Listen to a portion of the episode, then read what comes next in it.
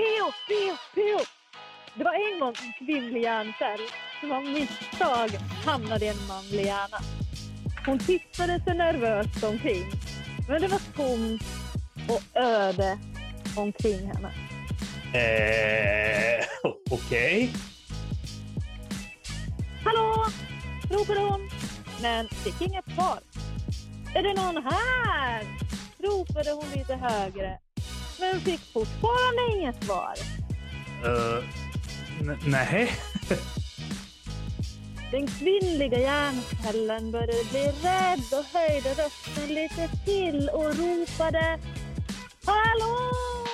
Är det någon här? Okej. Vad, vad hände sen?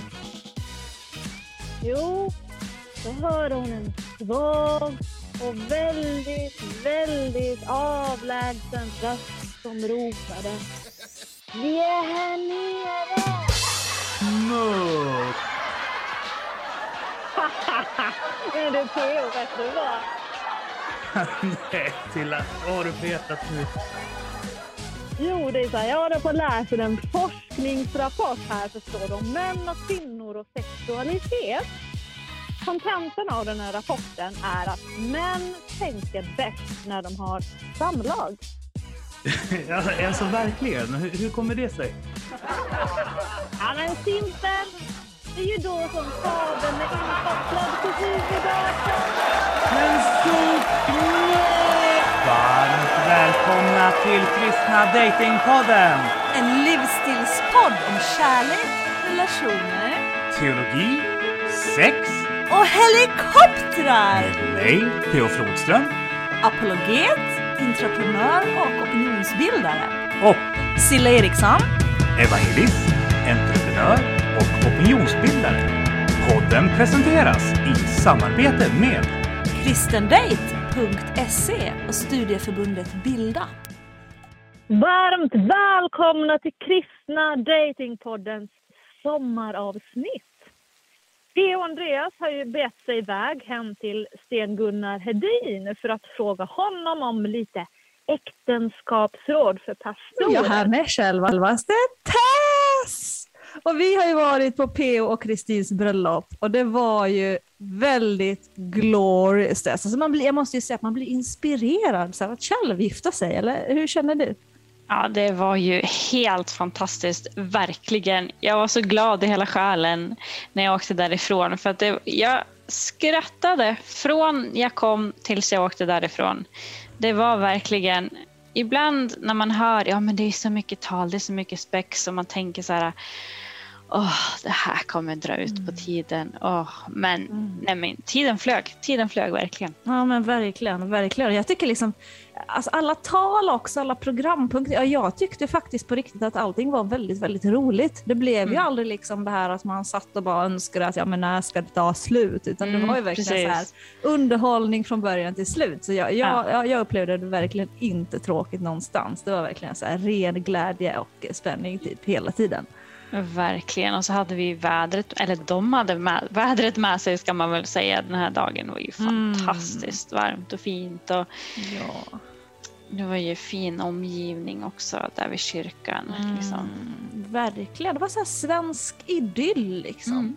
Alltså verkligen. Det var, liksom, det var verkligen en helt perfekt dag. Jag tänker att det är sådär alla liksom drömmer om man vill ha sitt bröllop. Så här. Varmt Mm. och soligt och blommigt och grönska och alla Ja. människor är vackra och glada och trevliga. Ja, vackra var ju verkligen folk alltså. Ja, men eller hur. Det var ju helt fantastiskt att se liksom, hur många som hade anpassat sig efter temat. Det var ju hur, Mm. jättemysigt att se. Mm. Och hur många som hade liksom verkligen klätt upp sig och karar i kostym. Det går ju inte att förneka att det är så fint liksom. Eller hur. Det är Mm. ju någonstans väldigt hett. Det är ju faktiskt det. Väldigt Det är väldigt fint.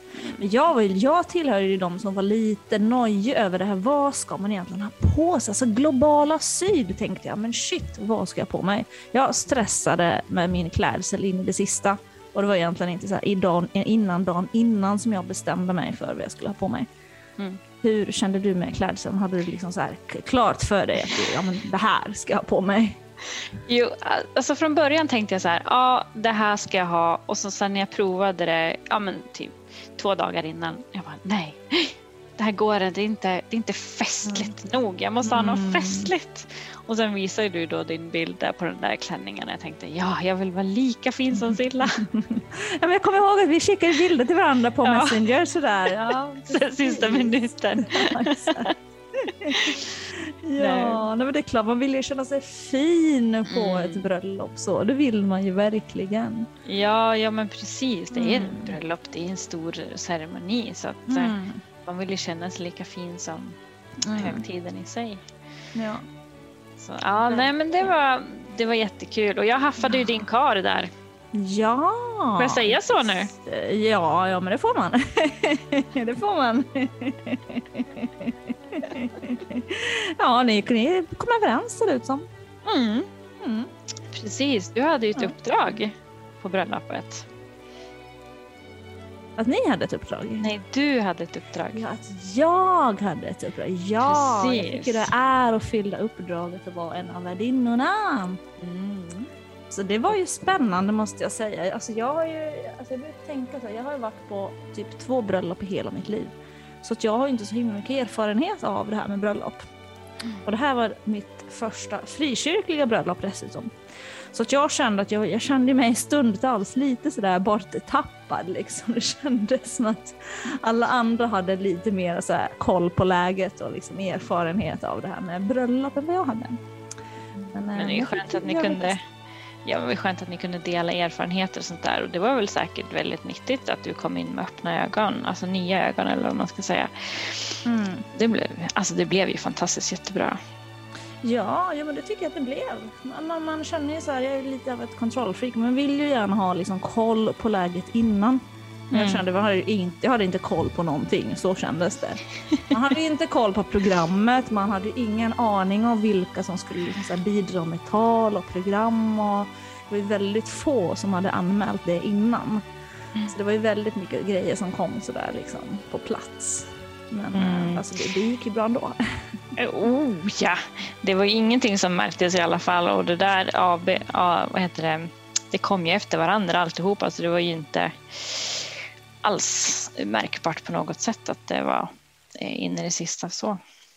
Nej, nej, nej. Men man tänker ändå liksom bröllop, du vet, det är som på något vis ändå ett sånt stort uppdrag och då så känner man så här att man vill ha koll på vad som ska hända och så. Och att liksom Mm, allt på något vis, du vet, så här ska sitta. Och vi bor ju alla, vi värdar bodde ju på olika platser och vi kunde inte liksom träffas och repa igenom saker och så, utan vi pratade väldigt mycket på telefon. Och ja, men visst, det funkar också. Men jag hade ju gärna liksom velat repa igenom allting så jag vet vad som ska hända från början till slut. Men Mm, det var ju mm. liksom inte riktigt möjligt att göra det så. Men, eh, ni det- gjorde det bra. Ja, det var bra träning. Jag lärde sig släppa kontrollen och lita på att det blir bra. Men ni träffades kvällen innan och repade för ni hade ju en stor kör där. Ja, just det. Det. Det var jag också nervös över, för vi hade, vi hade inte träffats med den här kören innan och övat överhuvudtaget. Utan vi gjorde ju det på lördagen innan bröllopet första gången den här kören liksom samlades och, Mm. och tränade på den här sången. Och det var en ganska svår sång dessutom. Eh, men det, ja, ja, ja men alltså det blev också rätt bra faktiskt. Så ändå. Mm. Det blev det. Men mycket var ju väldigt spontant. Men det spontana blir, kan också bli väldigt, väldigt bra Mm, faktiskt. verkligen. Så är det ju. Ja, men ni Ja. gjorde det bra, det gjorde ni. Och brudparet var ju fantastiska. Ja, men visst, Kristin var ju så himla fin. Alltså Ah. visst är hon fin? Hon är Det är ju så så himla fin. Ja, det där Mm. passade, alltså klänningen passade ju henne så bra. Och jag tyckte att det var så käckt med de där röda skorna som både hon Ja. och hade. Det var ju liksom Ja. verkligen. Verkligen. Och så fint hår också uppsatt och Mm. locket som gick ner. Mm. Så här, jättegulligt. Och så just den här kjolen som hon hade utanpå klänningen som hon kastade Mm. sen när det var dags för diska, ah, dans. Liksom. Ah, Bäst. ja, P.O. var också väldigt stilig Mm, faktiskt. Det Mm. var han verkligen. Han passade i Mm. kostym. Får man Ja, säga men det det. gör han. Ja. ja. Ja. faktiskt. Det är inte så ofta man ser P.O. i kostym. Jag tror det, nog- det här måste nog varit första gången jag sett P.O. i kostym. Jag tror att jag sett den en gång när han var på begravning tror jag. Mm. Just det. Men annars, ja, nej, han var jättestilig. Vi får försöka få Mm. han få fler tillställningar där han har kostym. Ja, precis. Jo, men det är snyggt på de flesta karlar kostym faktiskt. Mm, men det är Ja. inte alla som gillar det. Nej. Det finns ju väldigt mycket olika typer av kostymer. Där pratar vi om. Vi pratade om Mm. det här i sista poddavsnittet när vi gick igenom så här olika klädkoder och sånt. Precis. Ja. Mer kostym åt folket. Mer kostym åt folket. Det är bra att vi är överens om det här Tess. Absolut. ja. Men att Kristins familj och släkt var så musikaliska och Mm. liksom artister. Va? Vilken Ja. grej! Ja men verkligen. Ja, men jag hade lite kläm på det innan för jag känner till hennes bror som jag vet att är väldigt Mm. musikalisk. Men jag, Mm. jag visste inte att hela familjen var så väldigt liksom, artistiska av sig faktiskt. Det visste jag inte. Nej, de var ju så roliga i sina Mm. spex och tal. Åh, som jag skrattade. Ja, alltså det sista spexet där med hela familjen när syskonen gjorde den här, det, det var ju så roligt faktiskt. Ja. Det var Ja. jätteroligt. Det är imponerande ändå liksom, vilken kreativitet som finns hos folk. ja, men verkligen. Och hur de gör om såna här sånger och hittar på teater. Och, nej, Mm. hur kul som helst. Nej men verkligen. Ja, nej, men det, var, ja, det var riktigt, riktigt roligt faktiskt. Det var det. Och väldigt god tårta måste jag säga. Ja, men du, maten överlag. Det här lär vi snacka lite om. Ja, faktiskt. Oftast på... ehm, det här var ju då min första frikyrkliga eh, också bröllop som jag har varit på. Men jag tror inte att frikyrkliga bröllop är så här eh, normalt, eller generellt ska man säga. Mm. För att det här med libanesisk buffé Mm. var ju, alltså det var ju så gott. Jag, Ja, det var väldigt, väldigt gott faktiskt. Jag tror att jag åt för sju. Alltså helt ärligt. Jag åt med ögonen först. Jag kunde knappt hålla igång munnen. Ja, nej, men det Man var, bruk- det. Ja, och så just när man kommer så hade de ju ändå ordnat med fika och så var Mm. middagen ganska så tätt inpå, inte allt för tätt men så att man var ju mätt hela kvällen. Det var ju Mm. aldrig så att man satt och var hungrig och tänkte Nej. liksom när kommer nästa paus? Jag måste ha Mm. någonting att äta för det kan ju Mm. lätt bli så i, i um, sekulära bröllop Mm, att man sitter och man har fått sin lilla eh, toastskagen eller eh, Mm. ja, förrätt. Och så Mm. sitter man och så lyssnar man och så vill man bara ha den där äh, middagen någon Mm. gång för att man är hungrig. Precis. Nej, men det var väl jättebra idé med buffé också, liksom, att alla får liksom gå runt och ta själv. Det blir lite socialt också, man får prata med andra gästerna när man hämtar mat och man Mm. träffar andra från andra bord och sådär. Så jag, jag tyckte det var en väldigt, väldigt bra idé faktiskt. Ja, och så att man får röra lite på sig. Mm, för jag menar, har man inte möjlighet till att ta in så många pauser däremellan i och med att Mm. man ändå, ni är ändå tvungna att få med alla tal och Mm. spex så Mm. är det ju helt perfekt när man kunde ta både mat och ostkakan. Alltså ostkakan Tess, alltså jag måste säga, Mm. jag tyckte det var så väldigt, väldigt gott. Jag har till och med googlat så recept på ostkaka men det är ju inte så Åh. jättelätt att göra. Men alltså jag älskar, jag älskar allting som inne i, som har ost i sig. Ja, alltså ost är, det är ju min dödssynd. Mm. Ost och choklad. Eh, Jag, jag var väldigt imponerad av den ostkakan, jag tyckte den var väldigt, väldigt god.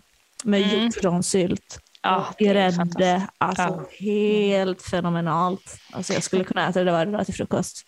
Ja, de hade ju gjort en, eh, en laktosfri ostkaka, en variant på en ostkaka kan man väl säga, Ja. till mig och några stycken.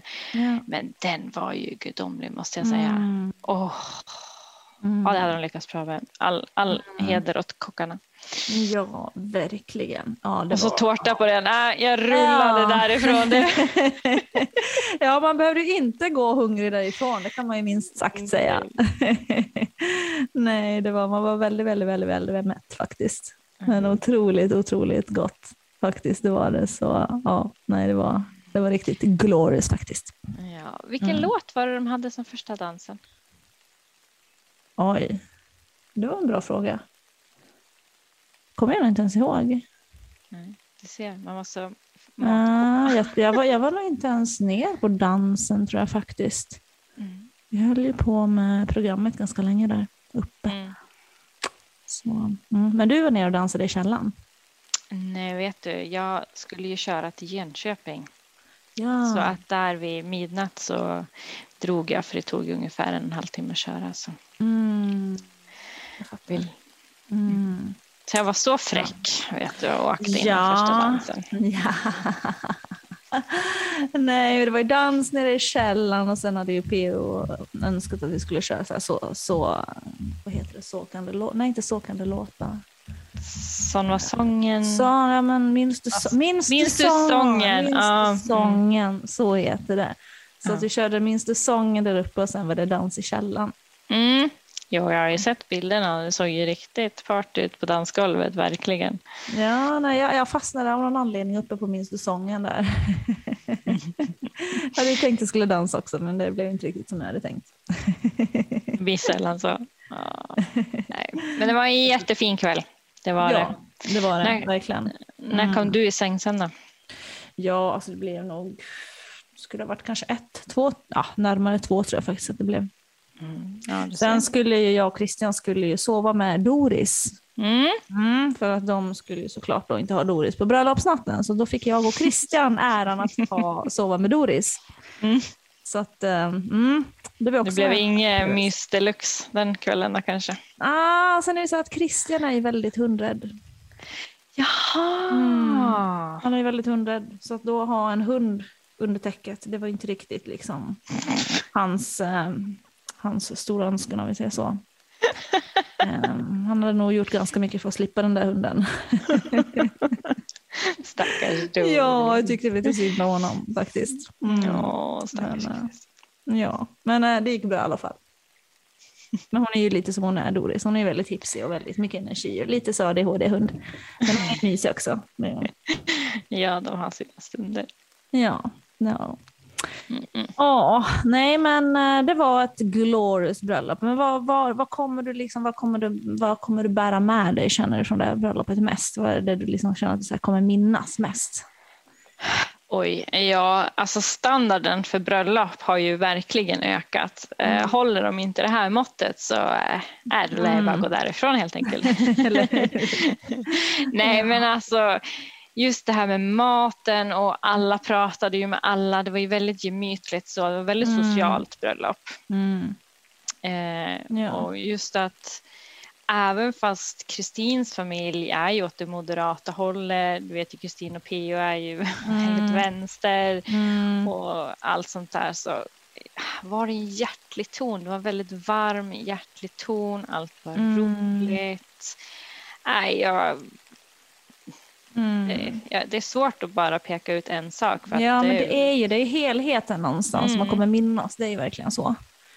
Det är ju verkligen så. Mm. Jag tyckte det var så himla mysigt när vi, eller fint var det, när vi stod på scenen och sjöng The Blessing. När vi stod framför dem, liksom, jag bara, tårarna bara kom. och så, Mm. så fint. Alltså, man var Ja. verkligen så rörd i hjärtat. Liksom. Det var, ja, det var Ja. väldigt, eh, berörde väldigt mycket kände jag. Stå där och sjunga det framför dem. Mm. Jo, men det var ju Så. fantastiskt verkligen. Och ni, ni gjorde ju ett f- heljobb. Alltså, gud- gudomligt jobb. Ja, men det är mycket att tänka på som man ska planera ett bröllop. Har du någon gång gjort det innan? Eh, ja, ett par gånger. Mm. Eh, så det är verkligen en Mm. heltidssyssla. Och Ja. Särskilt mot slutet då när, eh, Mm. ja, oftast är det bruden som önskar lite mera kontroll och koll på saker och ting. Ja, men det känns ju generellt, om, om man nu ska journalisera, så känns det som att det är lite mer liksom tjejen som går in för det här med bröllopet och man har liksom en sån här dröm om hur det perfekta bröllopet ska vara och det ska vara på ett visst sätt och sådär. Alltså det känns ju, om man nu ska journalisera, som att män kanske inte liksom bryr sig lika mycket. Nej. Liksom.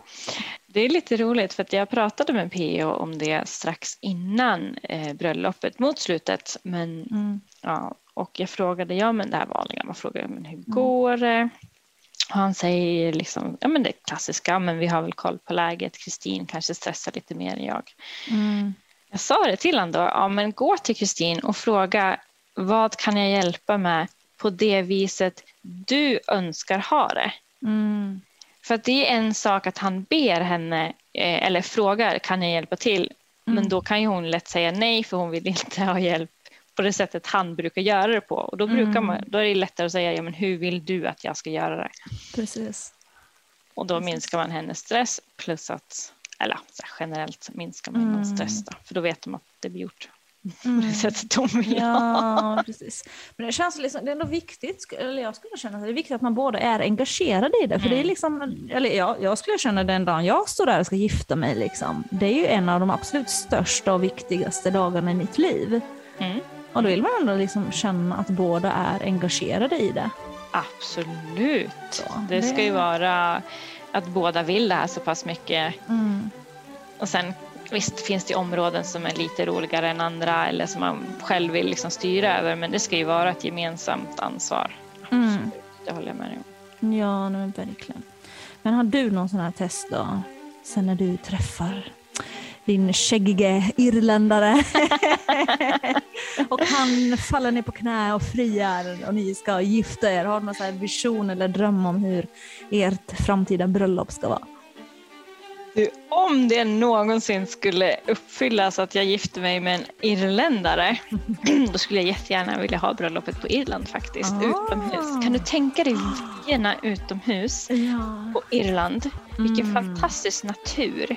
Mm. Då skulle jag kunna tänka mig ett utomhusbröllop. Eh, man sätter upp, ja vad är det det heter? Inte lantligt. Shabby chic mm. tror jag det går. Eh, mm.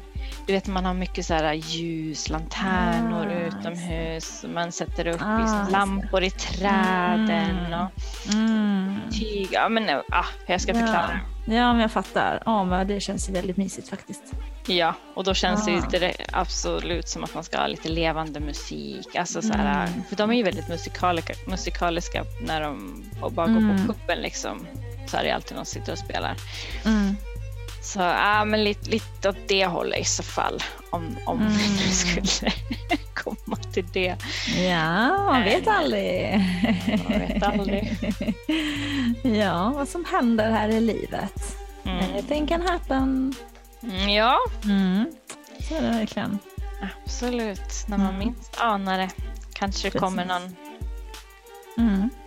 Mm. Ja, men Irland är ju fint faktiskt. Det är ju väldigt fint. Jag har aldrig varit där men man är, jag har sett väldigt mycket så irländska filmer och så faktiskt. Det är väldigt mycket fin natur. Det är det verkligen. Så jag skulle vilja åka dit också.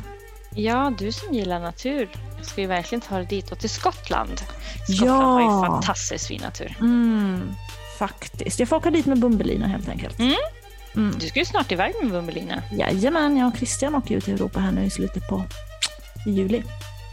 Några veckor. Här är Christian, vad roligt. Ja, det blir mysigt. Mm, mm. Mm. Vet man aldrig vad som kan hända vid ett vattenfall eller högt uppe på en alp. eller hur? eller hur? Ja, nej, men vi får väl eh, fortsätta och be och hoppas att vi också får gifta oss snart dess. Man blev ju verkligen inspirerad efter det bröllopet, så känner verkligen jag i alla fall. Ja, mer kärlek åt folket också. Kostym och kärlek. Ja, mm. kostym och kärlek. Ja, men det är väl en bra sammanfattning och avslutning på det här. Mer kärlek och kostym åt folket. Men hur vore det ifall vi beger ja. oss över till Södertälje där Skogholm och Flodis sitter redo med Sten-Gunnar Hedin? Men först så tycker jag att vi lyssnar på veckans låt som är inskickad av Nomi Torstensson som skickat sin svängiga poplåt Colors of you. Hon berättar att det är en låt som handlar om hennes förundran över vem Gud är och hur hon så liksom uppfattar att han finns i allt runt omkring oss. Och vi kan se så här skärpnader och skuggor av honom. Låten handlar om längtan efter att få vara nära och se mer av Gud. Och sen som sagt över till grabbarna i Södertälje. Colors of you med Nomi.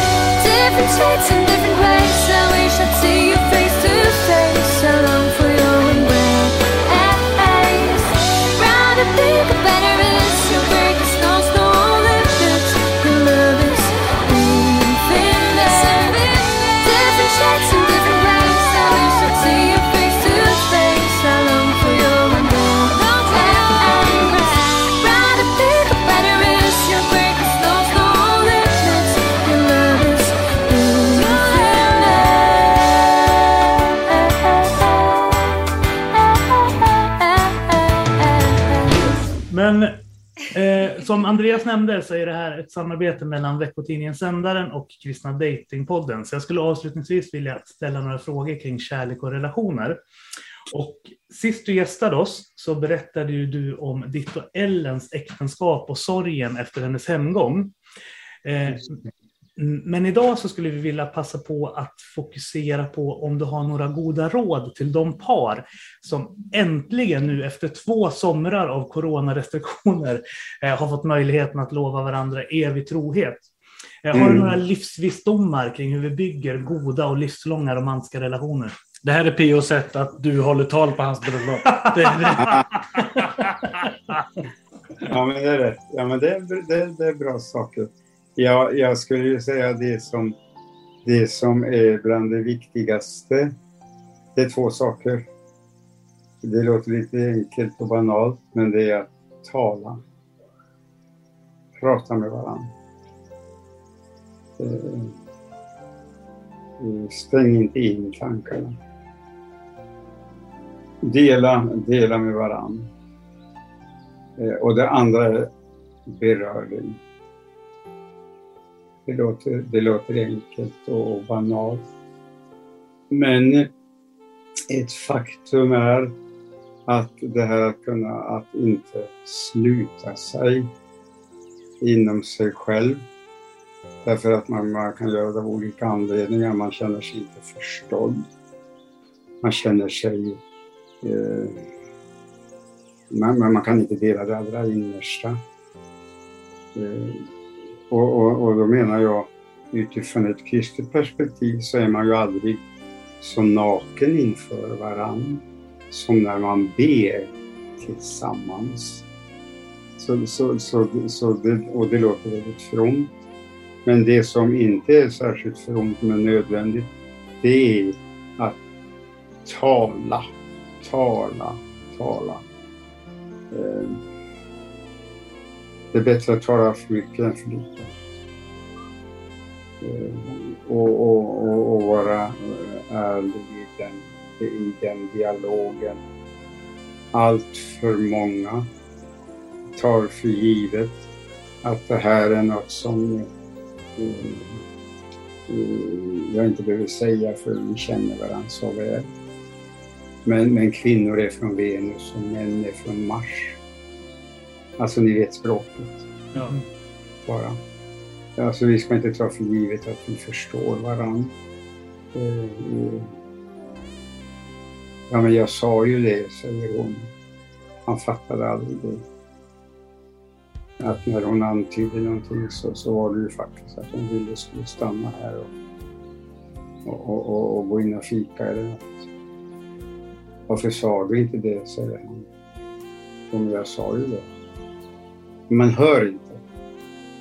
Man hör inte. Alltså dela med varandra. Och så det andra det där med, med att våga.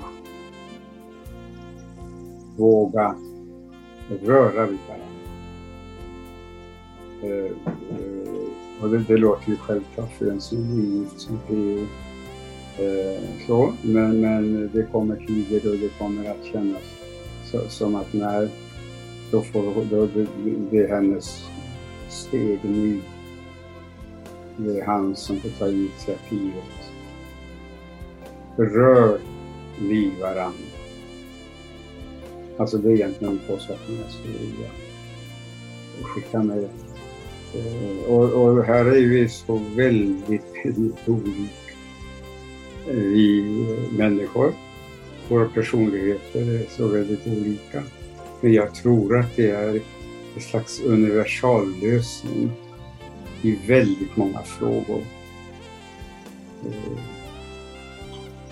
alltså jag har ju varit hos så många som har gått olika vägar.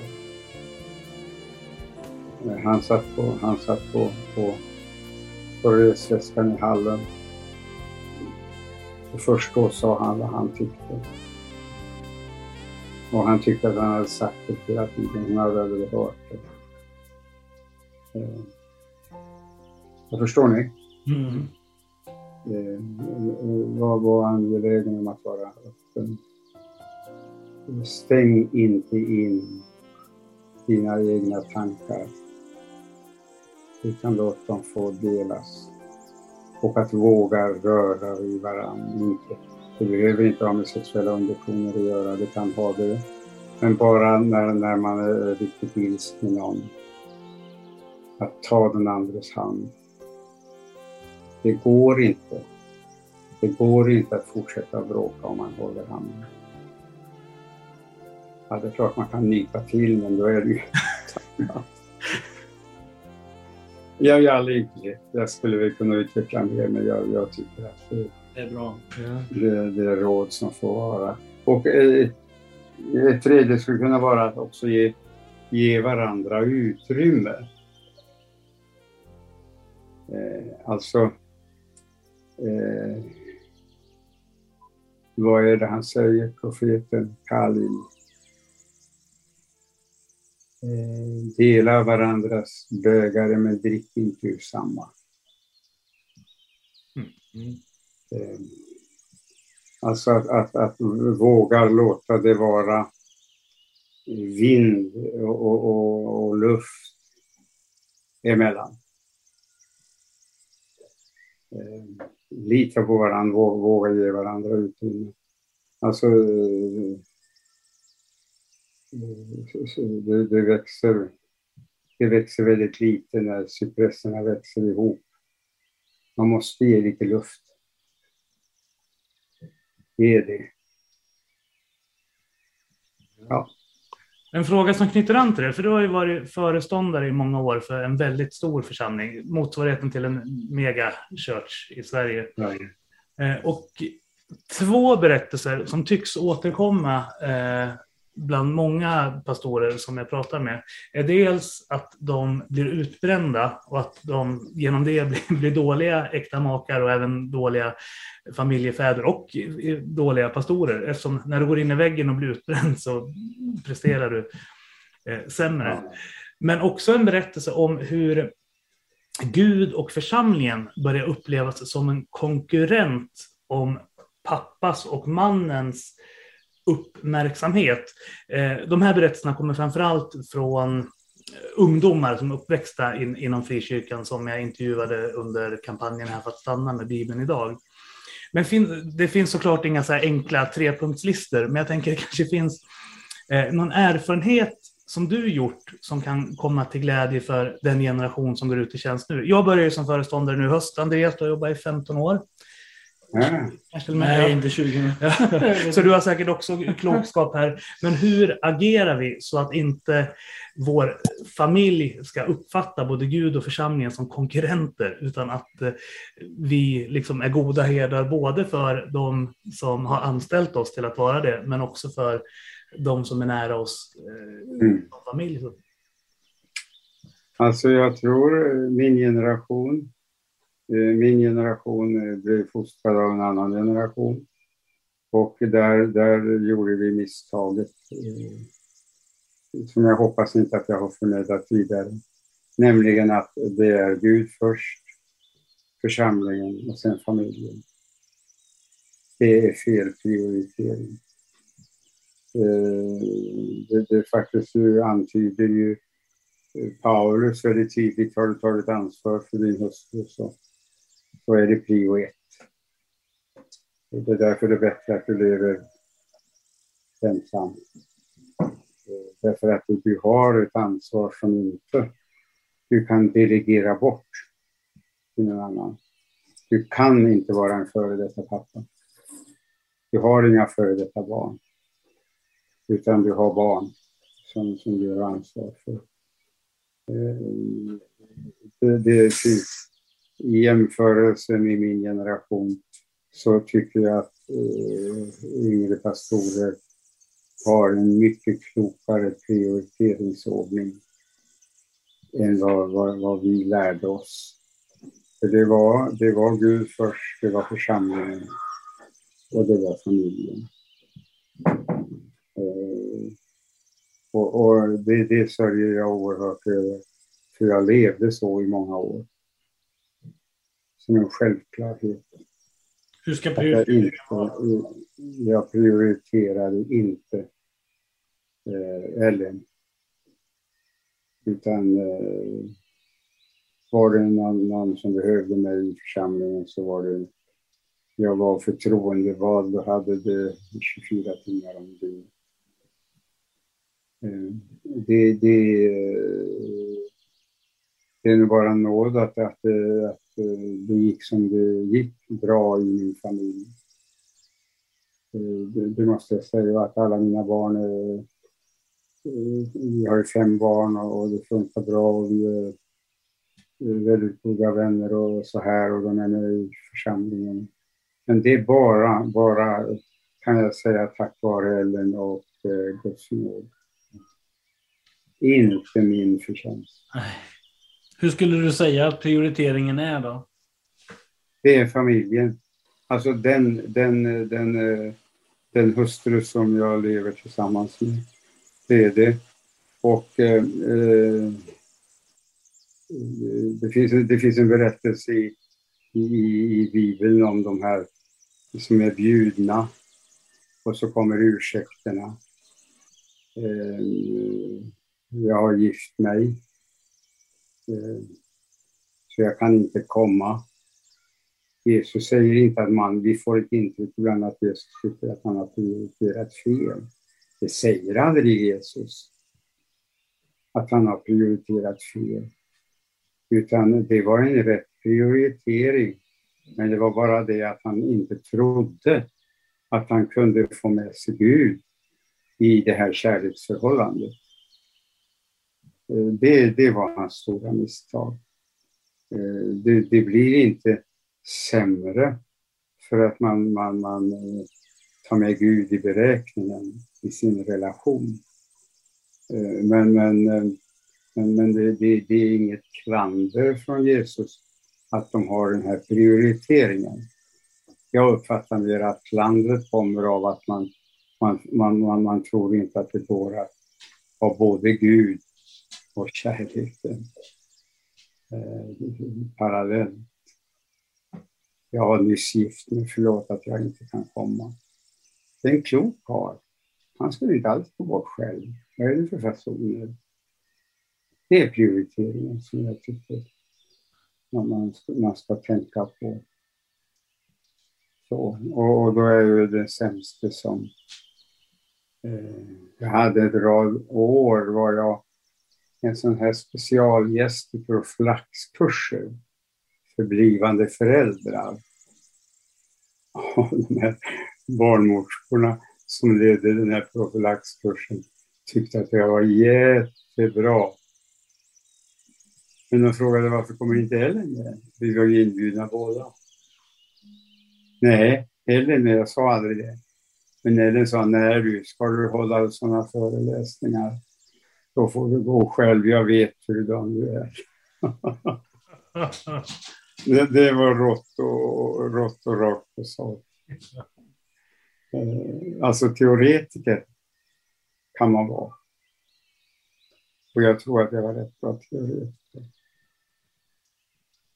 Ja. Men alltså, ära Gud genom att eh, ära ditt ansvar som äkta make och familj. Ja, absolut. Det, det, är, det, är, det, det är enda sättet som jag också kan, kan få se hur, hur eh, mitt liv bär eh, en god skörd.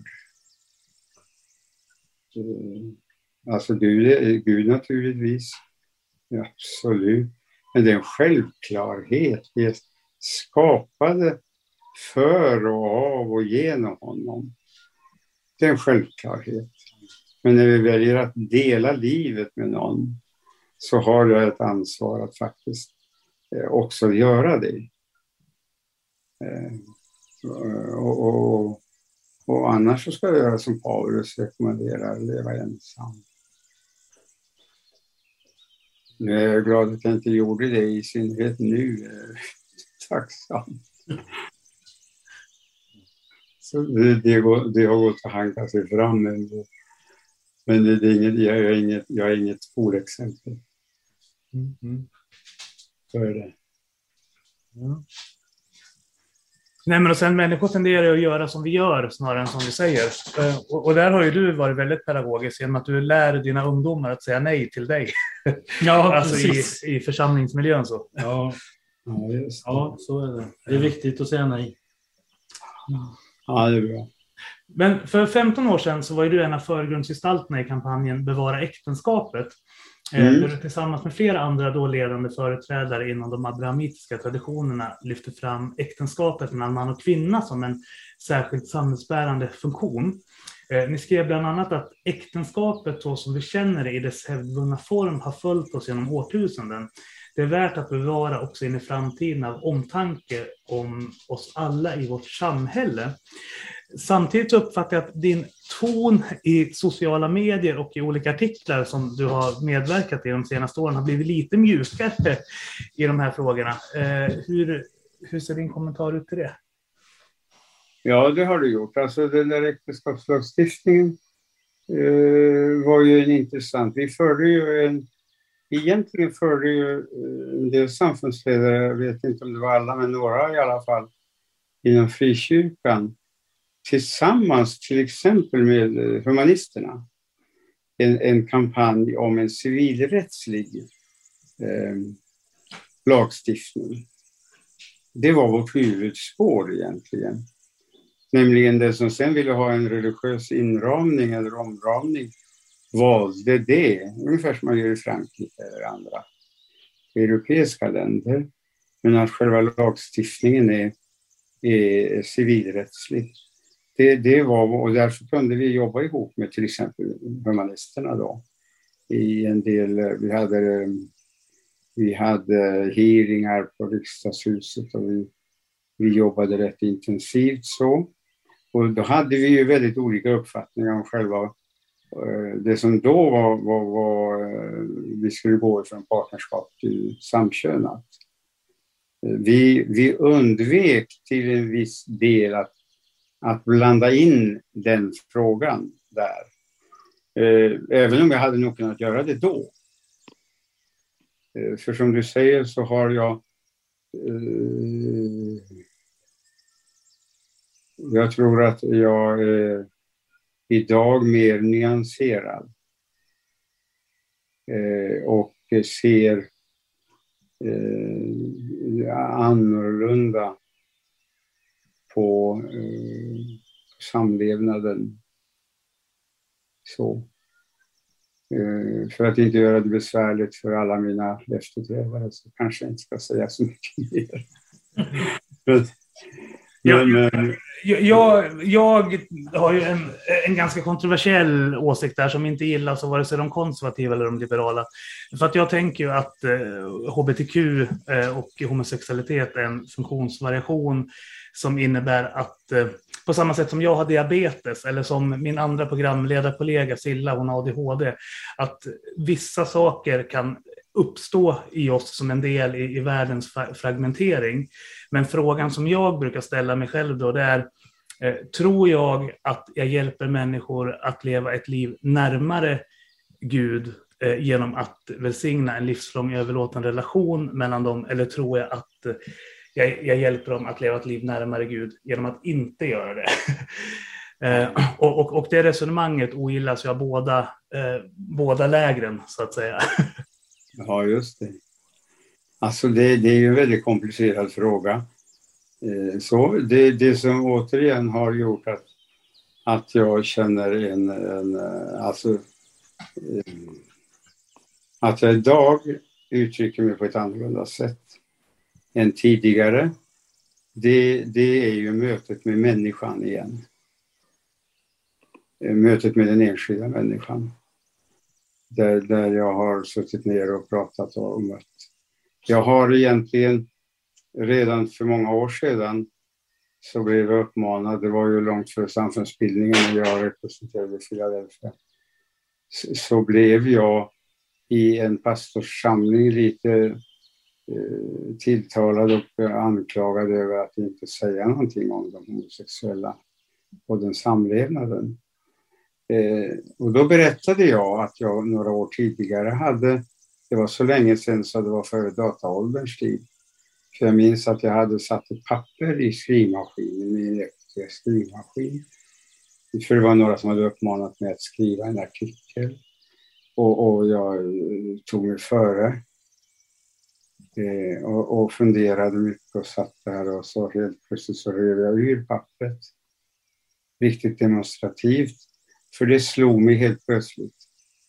Hur många artiklar har jag skrivit om trohet i äktenskapet? Hur många artiklar har jag skrivit om eh, samboförhållanden? Hur många artiklar har jag skrivit där äkta makar avtalar bort eh, en del av äktenskapslöftena genom äktenskapsförord? Vad är det som är den bibliska äktenskapssynen? Eh, så jag berättade det, ja, det blev aldrig en artikel. Eh, omkring det- den homosexuella kyrkan. Eh, Så mig veterligt så har jag aldrig uttryckt det på det sättet mer än att jag, jag vet att jag ibland har skrivit som har uppfattat att jag är liberal i frågan. Eh, eh, Så, så, kan, så, så har jag eh, hört sägas att man tycker att jag inte är att lita på i, i de här sammanhangen. Inte att lita på. Jag tycker det är lite bedrövligt att man resonerar så kring, en... Ja, Ja. Men, men så, så har det nog varit. För att ver- verkligheten är ju att det finns... Skulle, skulle, vi, skulle vi försöka penetrera och reda ut det här, vad är den bibliska äktenskapssynen? Eh, eh, vad var det bibliska? Eh, och hur, hur fungerade det här under olika tider?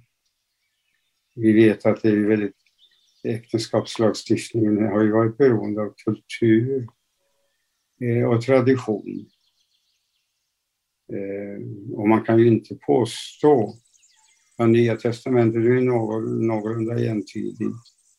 Men, men, men Bibeln, det är ju svårt att- att säga vad är den bibliska äktenskapssynen, om man ska vara riktigt uppriktig. Jag tänker att det som är vårt uppdrag, eh, speciellt i en pastorsroll, så är det ju att hjälpa människor närmare Jesus. Ja, Och det tänker jag att det var så fint det du sa förut när vi pratade om ekumeniken och att han skrev Jesus på ett papper och att... Ja. ja. Och, och det tänker jag också att om man... ehm, Det är, ju, det är ju Jesus som vill att vi ska leva på ett visst sätt och det talar ju han, talar ju han till oss genom helgelse och då tänker jag att vissa saker får man nog bara lämna till individerna att själva söka. precis. Ja, All, alla får ställa sig frågan Jesus, hur vill du att jag lever mitt liv? ja just det. Finns det någonting i mitt liv som du vill att jag ska sluta med? Ja, Det är ju Ja, en det- fråga som jag ställer mig och då säger Gud till mig också. ja. att, ja, de här grejerna vill jag att du ska sluta med Andreas, för det här är Ja. inte bra för dig. Och- Ja, man, måste, man måste ju kunna ha ett förtroende för att Gud vill och kan leda. Göra det begripligt. Så är det. Ja, för vi tänker ju att han är en levande Gud som talar idag. Ja, så är det. Mm. Ja. För nu är det så här att jag rent av håller på och, och, och eh, eh, Somna. vi, vi kanske ska avrunda. Jag, hade en sista fråga, men du kanske inte orkar med den. Ja, men ta den för att höra. Är den lång eller kort?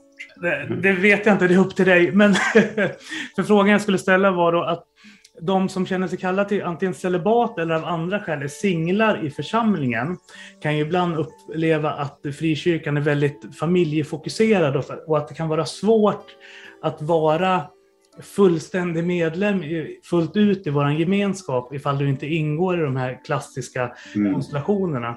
Så där tänkte jag då avslutningsvis fråga om du har några tips och råd att skicka med både till mig och Andreas kring hur vi bygger attraktiva gemenskaper där alla människor känner att de omfattas av både församlingens gemenskap och, och Guds kärlek. Så hur kan vi hjälpa till att manifestera och gestalta det här på ett bra sätt? Alltså, jag har, eh, jag har ju funderat över varför Jesus väljer att dela gemenskapen i singelhushållet i Betania sista natten. Eh, inte Petrus, inte de andra. Det fanns alltså en, säkert en upptagenhet hos de här som hade familjer. Eh, men i Betania så hittade han den trygghet som han behövde inför den sista striden. Jag tycker det är något av det vackraste att, att, att påminna om att Jesus faktiskt eh, ägnade sig eh, åt Marta, Maria och Lazarus som inte hade familjer, som var lite udda, kanske. De var i alla fall väldigt annorlunda. Lazarus, så- han var ju som en tapetblomma. Det finns ingenting om vad han har sagt eller gjort, utan han är ju omnämnd bara för vad man gjorde med honom. Ja. Eh, Det, det, det är inte märkvärdigt omkring Lazarus, men det var, det var Jesu vän. Eh, och han grät sorgset när han hade dött, vet ni. Eh, det, det, det, det är ett singelhushåll där han kände sig trygg. Alltså att lyfta den frågan, tror jag, kan vara viktigt. Alltså det finns ju en sån oändlig uppgift så, så, som jag tycker den där natten pekar på eh, när Jesus var i Betania. Så tänker jag. Mm. Yes. Men då, då vill vi tacka dig så jättemycket för din tid, både idag och under de tidigare möten som du och jag har haft, Sten-Gunnar. Den värme och klokskap som du utstrålar vid, vid varje tillfälle har verkligen gett eh, intryck på mig, så det vill jag verkligen skicka med dig.